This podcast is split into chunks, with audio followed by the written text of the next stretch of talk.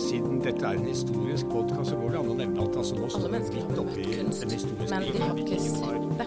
har blitt et globalt fenomen. Velkommen til Vestfoldmuseenes podkast Tidsfordriv.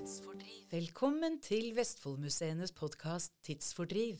I dag skal vi snakke om aluminiumalderen og det grønne skiftet. For å hjelpe oss med dette har vi invitert to historikere som jobber i Vestfoldmuseene. Velkommen til deg, Kristin Skjelbred. Takk. Og til deg, Kasper Søyland. Takk. Museet, Vestfoldmuseet, vi beskjeftiger oss med mange ting. Det er et mangfold i Vestfoldmuseene, og mange vil jo spørre seg aluminium, hvorfor i all verden driver vi med det? Hva tenker du om det, Kristin?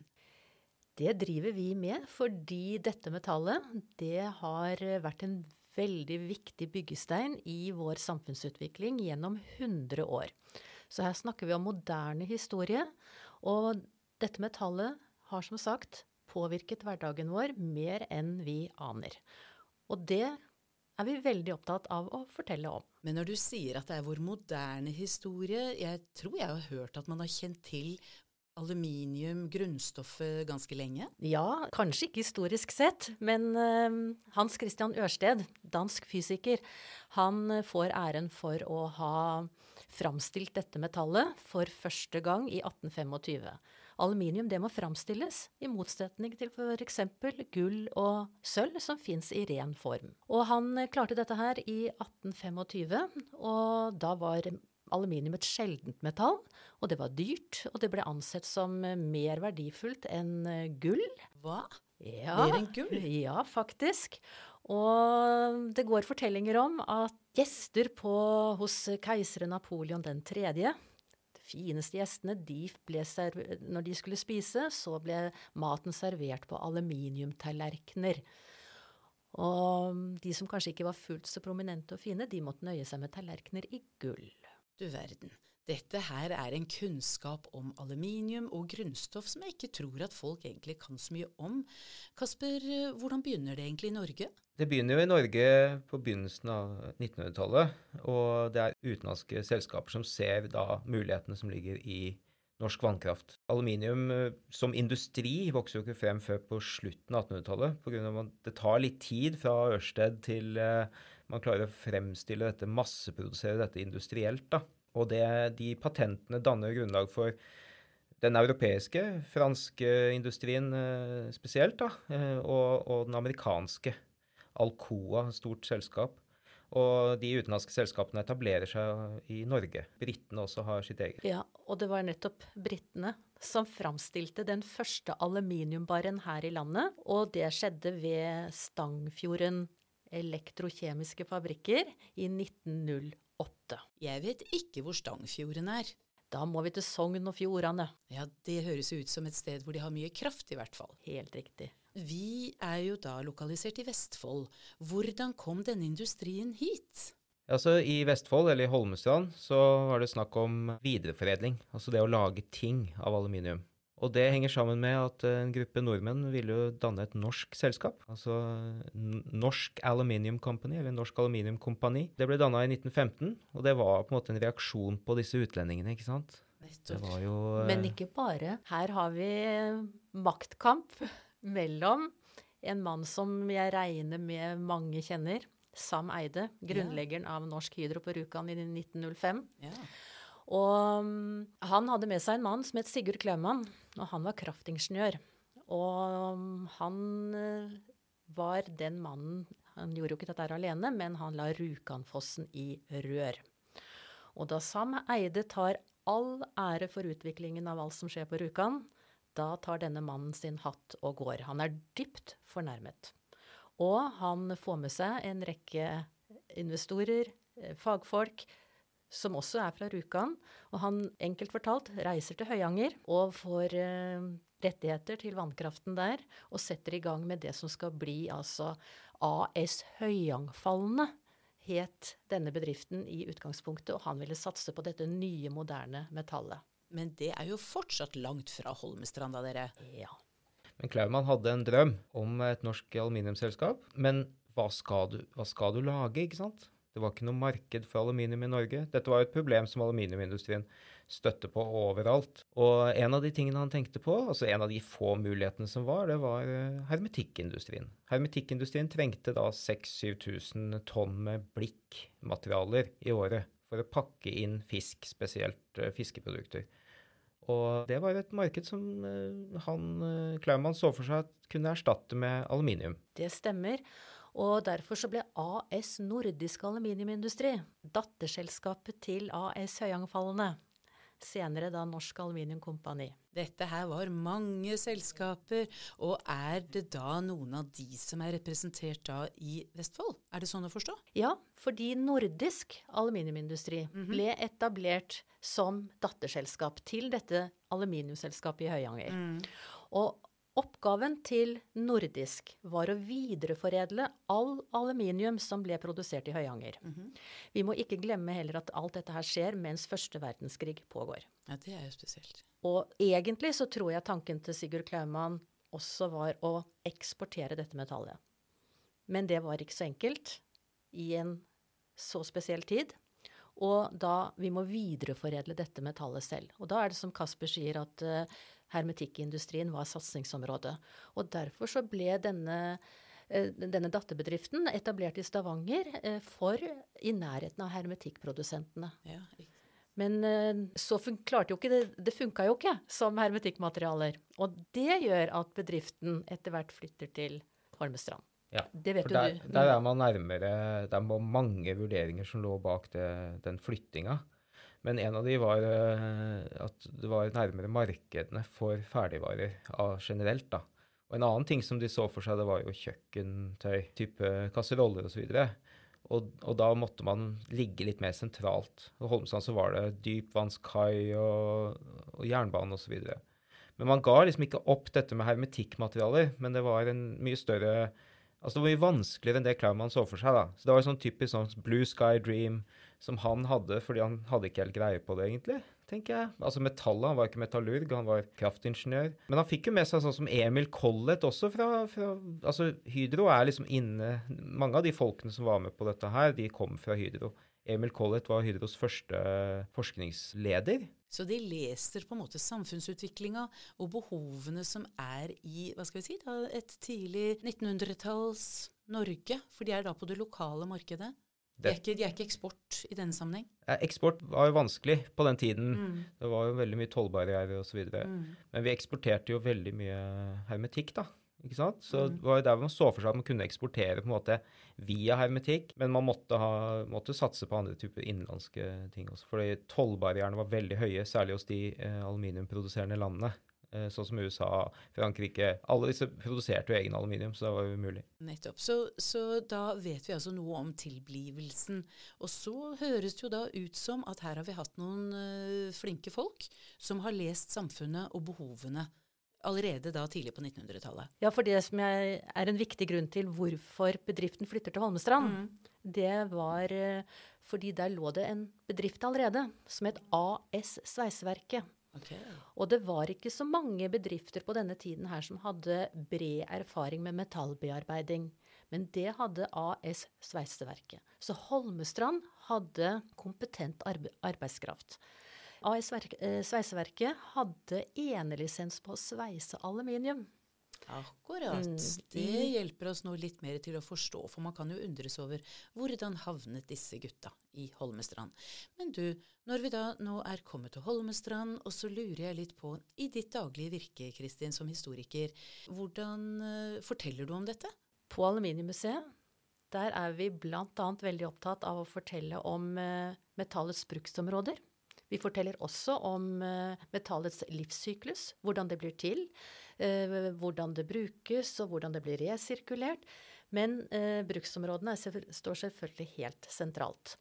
Og det kanskje mange ikke tenker på, er at felgen på din nye bil kan ha vært din bestemors kaffekjele. Museet det ligger i tilknytning til Hydro Holmestrands fabrikklokaler. Og det ligger faktisk i det eldste fabrikklokalet som har tilhørt det mekaniske verkstedet til AS Sveiseverket. Nettopp. Så du er rett og slett på dette stedet hvor produksjoner har pågått da sammenhengende siden når da? Siden 1919, da AS Nordisk Aluminiumindustri ble flyttet fra Stavanger til Holmestrand. Så det ble flyttet fra Stavanger, Kasper. Eh, Stavanger, da tenker jeg hermetikk og fisk og litt sånn? Absolutt. Som sagt så var det en av de tingene de så for seg at man kunne levere til. Og det illustrerer jo litt hva som skjer da i den masseproduksjonstidsalderen på slutten av 1800-tallet. Altså, som du nevnte, så var det veldig høy verdi hun så på aluminiumtallerkenene som er enda finere enn gulltallerkenene hos Napoleon, til at uh, man ser for seg hermetikk. Ja, noe har jo skjedd på den reisen, tenker jeg. ja, det kan du si. Og det er på en måte vi fremmer ved den eh, masseproduksjonen. Det å produsere masse av noe, ikke sant, det er jo der denne nye økonomien vokser frem. Så vi er jo der midt oppi den eh, frenetiske utviklingen i norsk hermetikkindustri. Og det er jo under første verdenskrig, ikke sant. Vi selger jo sardiner til begge sider. Det er, jo, det er jo sånn. Det går kjempebra. Så eh, er det vanskeligere å få det til enn man trodde. Som Kristin var inne på, så finner man da det eneste kompetansemiljøet på aluminium eh, i Norge på den tiden, i Holmestrand. Og flytter dit, og ja, lang historie kort, uh, inkluderer de den kompetansen i sin egen bedrift, Nordisk aluminiumindustri, og fortsetter arbeidet uh, med uforminska styrke, kan du si, forskningen på hermetikk i Holmestrand. Hermetikk. Men eh, ja, disse hermetikkboksene de kjenner vi jo alle sammen, Kristin. Er det det du viser i museet? Jeg viser eh, absolutt uh, hermetikkbokser. Men vi viser også veldig mye kjøkkentøy, som mange drar kjensel på, i hvert fall de som har levd en stund. Kaffekjeler, kasseroller, fiskespader, kakeformer, puddingformer, fløtesett. Men utover kjøkkentøy, da? Da ble det også produsert store tanker til um, næringsmiddelindustrien. Det ble produsert uh, skipsplater. Oh, så vi er over i en helt annen dimensjon. Altså, jeg er veldig nysgjerrig på dette med styrke i dette metallet. Hvis du kan bruke det i alt fra små hermetikkbokser til svære industrielle ting. Altså styrke så snakker man jo egentlig om to typer ting, altså mekanisk og kjemisk. Mm -hmm. Og den kjemiske styrken var jo problemet med hermetikkboksene. da. Ja.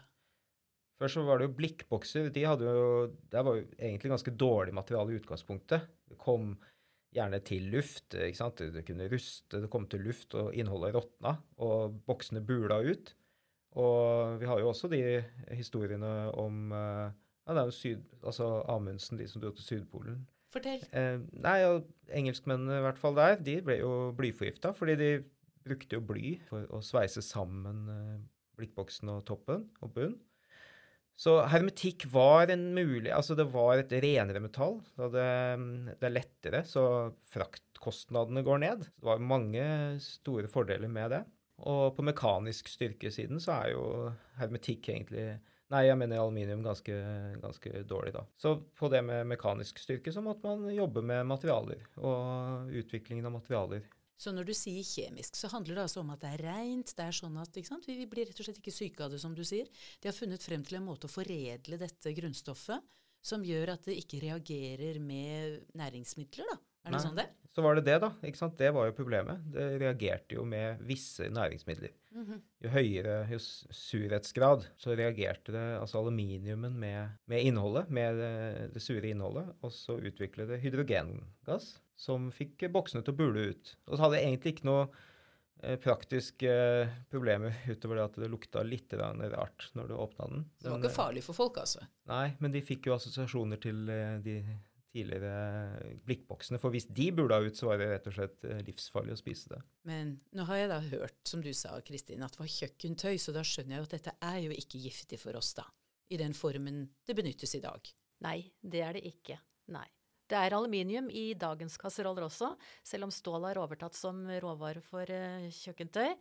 Men uh, i moderne kasseroller så er det også aluminium fordi metallet leder så veldig godt uh, strøm. Jeg har bare lyst til å si litt om det med kasseroller. Så bra. Fordi jeg tror at kasserolleproduksjon, kjøkkentøyproduksjon, var på mange måter fabrikkens ansikts utad i veldig, veldig mange år. Og for de som har levd en stund, så kjenner dere kanskje merkevaren Høyang eller Høyang Polaris. Eh, fabrikken utviklet seg til å bli altså landets største kjøkkentøyfabrikk. Og det vel, er vel ikke det norske hjem, kanskje fortsatt, hvor ikke det er noe som er merket Høyang. Hvis man har eh, arvet et eller annet. De egner seg fortsatt veldig godt til å koke grøt i, disse eh, gamle kasserollene. Men du, veien da fra altså en eh, hva skal vi si, blikk til um, aluminium i hermetikken, og så snakker du om Høyang Polari som kan, vi kan lage f.eks. da grøten vår i. Men uh, Kasper, vi snakket litt om tidligere dette med det industrielle. Uh, altså bruken da ut over kjøkkentøy, Kristin. Jeg tror jeg har hørt bil, f.eks. Det er kjempeinteressant hvordan aluminium var eh, veld, altså veldig mye brukt i bil tidlig. Fordi bilene, de første bilene var jo elektriske. Så da var det viktig å holde vekten nede. Og der er vi jo i dag igjen.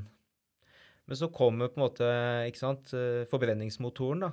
Og da blir det Og det med at prisene synker så mye på det med bensin eh, ikke sant, etter hvert som bruken går opp, og, og det at folk rett og slett får bedre og bedre råd. Så på, i Amerika f.eks. så var det jo status å ha biler som brukte mye bensin.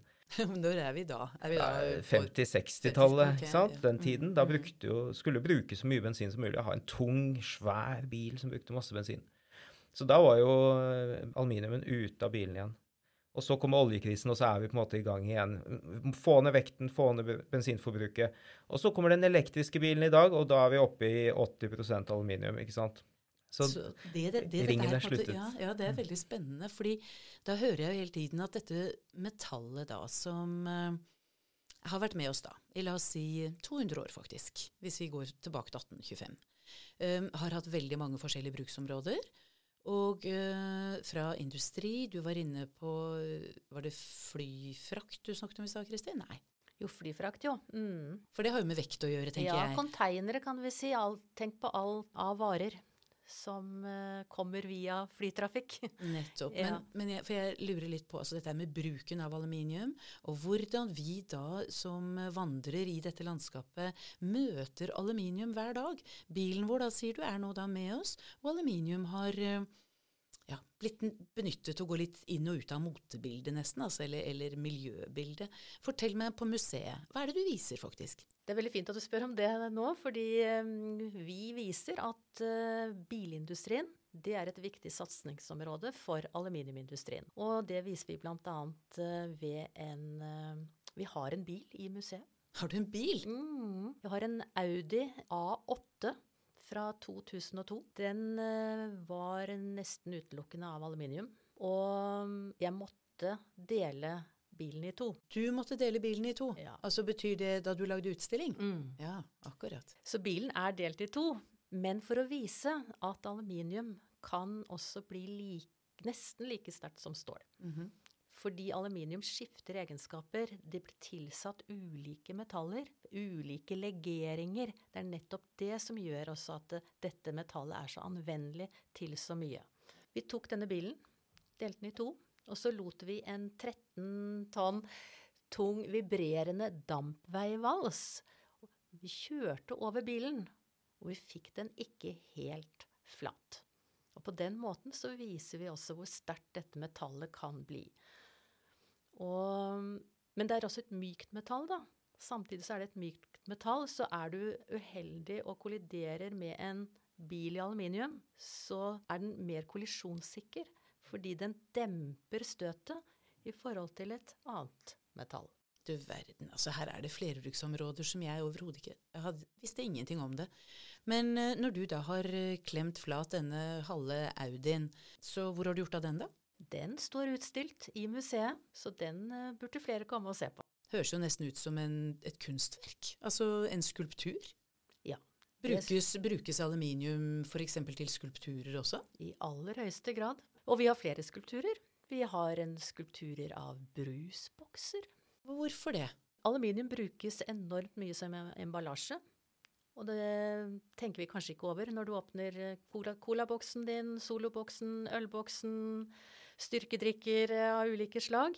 Og du tenker kanskje heller ikke over at hvis du er flink til å pante, så kommer disse brusboksene tilbake til Holmestrand. Har disse brusboksene alltid sett helt like ut, Kasper? Jeg mener, Vi snakket om vekt i stad. Er det Nei, de har, de har sett litt annerledes ut. Det, var jo først prosessen. altså De må jo få ned hele tiden metallbruket. Det er jo masse penger i. Så det var jo Harald Eia som satte opp det her i et program, at eh, vekten har gått ned fra 82 gram eh, en eller annen gang på, rundt krigen, og så er det 11 i dag. Så, og den eh, utviklingen har vært eh, lang. Og det, det handler jo om dette her med legeringer, ikke sant? at du får egen, nye egenskaper. Du kan tilføre nye egenskaper til metallet hele tiden med å tilsette andre typer metaller. Altså, alle vet legeringer, ikke sant? Vet du hva legering er?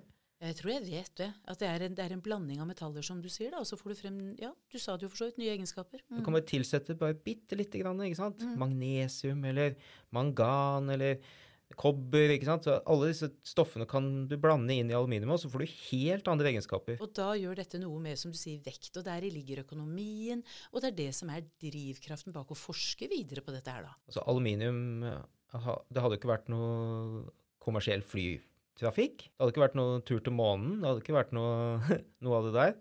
Fordi aluminium, når du tilsetter bitte litt grann eh, kobber, litt mangan, litt magnesium i riktig eh, størrelsesforhold, og så lar du det stå og herde i romtemperatur, Mm. så får du duraluminium. Mm. Og den har da en høyere bruddstyrke. Den kan faktisk holde eh, Det kan være bærende elementer i f.eks. biler og, og fly og, Og bygg, Romraketter. bygg kanskje? og bygg òg, Ja. ikke sant? ja, ja. Dette var jo eksperimenterte man jo med både Chrysler Building og Empire State Building har jo aluminium i seg. Men eh, da Empire State, som kom litt etter, den har i bærende konstruksjoner også. Når du sier litt etter, eh, litt etter hva? Chrysler Building var liksom sånn 29, og så Så vi er tidlig, altså ja, tidlig, eller mellomkrigstida, rett og slett. Ja. Mm. Og det de jo da sier, er at aluminiumen har et veldig bredt nedslagsfelt, da, eller veldig bredt bruksområde. Ja, ikke bare det, men den har jo liksom revolusjonert vår tid, da. Ja, Ikke sant? akkurat. Før plastikken Ja. så var det jo det mest uh, anvendelige materialet.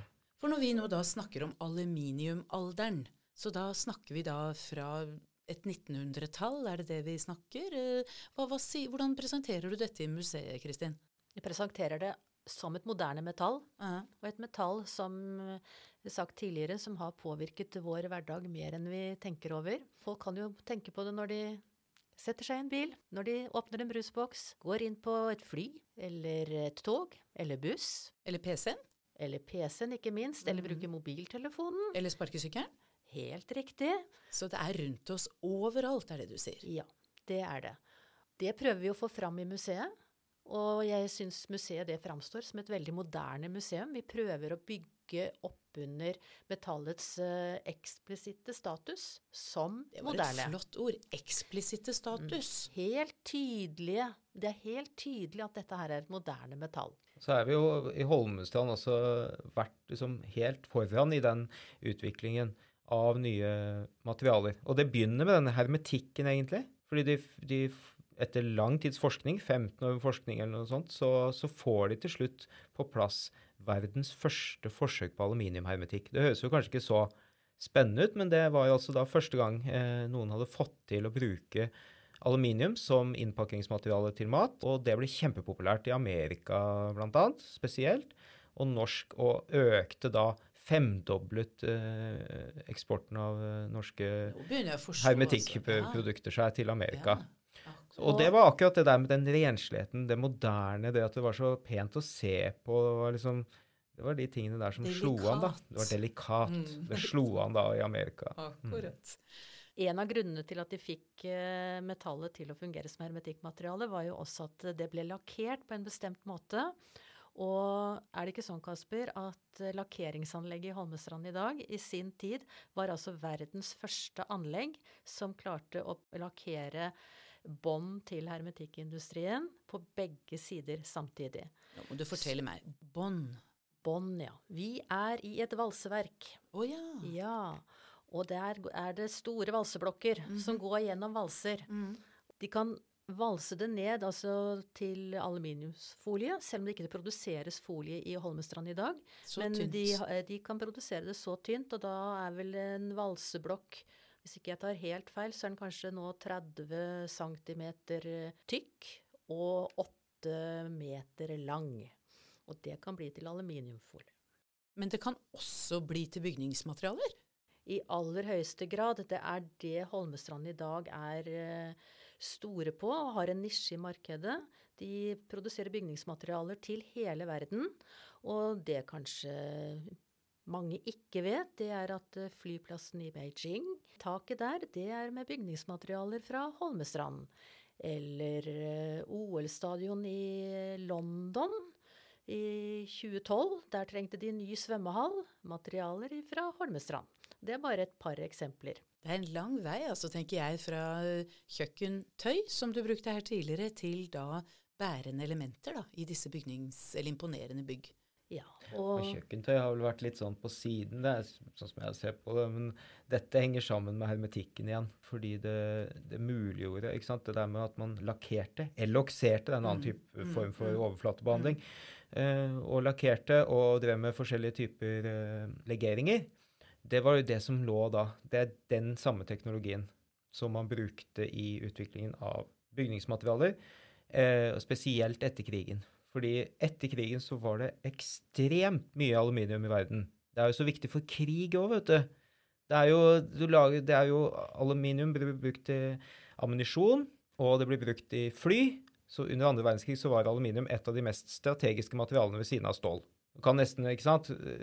Det å, å ta Norge, det handla om stål, men det handla også om aluminium. Så da har vi den. Og, og, etter krigen da så var det jo bygd opp ekstremt store reservoarer av aluminium hos alle de krigførende maktene. Så det var jo altfor mye aluminium i verden. Hva i all verden kommer til å skje nå? Aluminiumindustrien var livredd for at prisen skulle gå ned. Og da finner de alternative bruksområder, og er det der kjøkkenproduksjonen kommer inn, eller? Nei, kjøkkentøy det var med helt ifra begynnelsen. Men vi kan jo si at det revolusjonerte også kjøkkenet altså bruksgjenstander på kjøkkenet. Fordi det var vanlig å bruke jerngryter og kobber. Men eh, aluminium kommer inn og erstatter dette her. Fordi det var billigere å produsere, det var lettere å holde rent. Og de aller første artiklene var jo tilpasset eh, vedkomfyrer. Men etter hvert som de elektriske komfyrene kommer, så blir også kjøkkentøyet flatbunna og tykkbunna.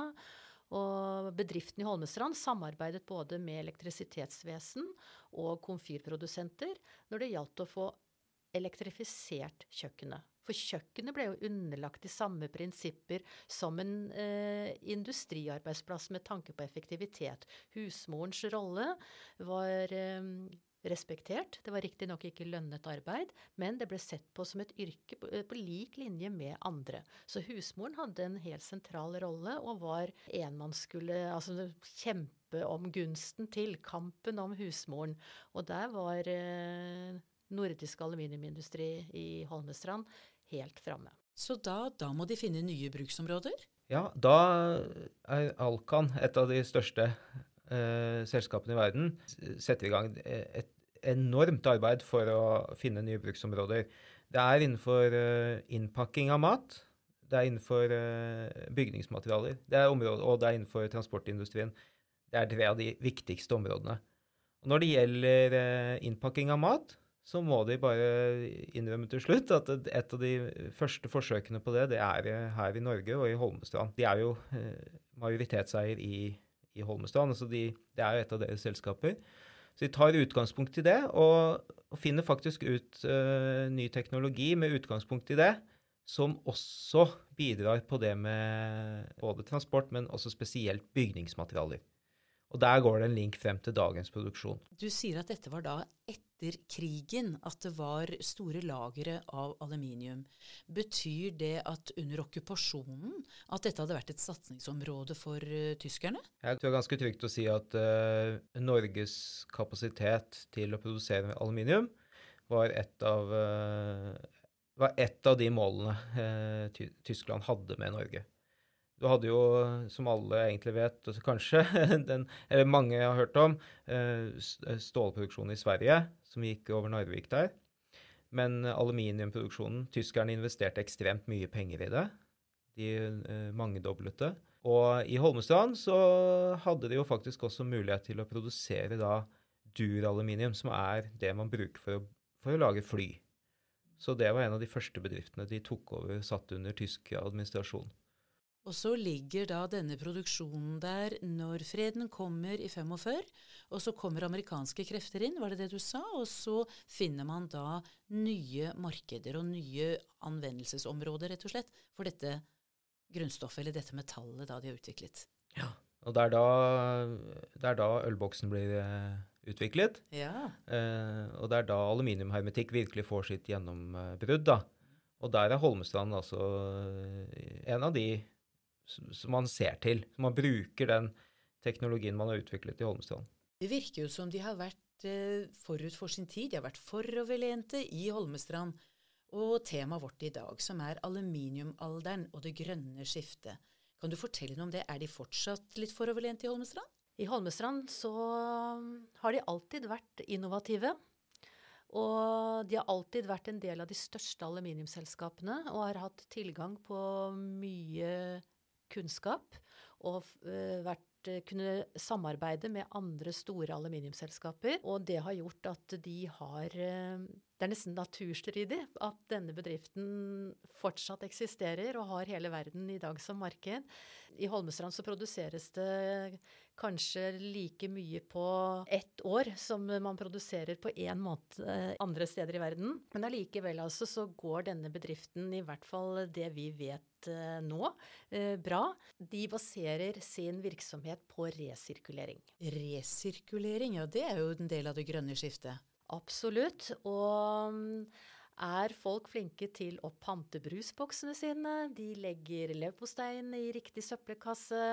Det samme gjelder makrellboksen. Så kommer det tilbake til Holmestrand og blir omstøpt og resirkulert. For dette metallet det lar seg resirkulere i det uendelige uten at det mister verdier eller kvalitet. Og kan bli til da noe helt annet, som f.eks. da bygningsmaterialer eller en ny leverposteiboks eller hva sier du, Kasper? Eller en bil, kanskje? ja, faktisk. Mm. faktisk. Nå er vi på et valseverk, men det kan også bli til en profil i en eh, At noe av metallet kanskje går til et pressverk, for der lager man profiler. Som i vinduer og biler og Dette metallet lar seg forme på alle mulige måter. Det fins ingen begrensninger.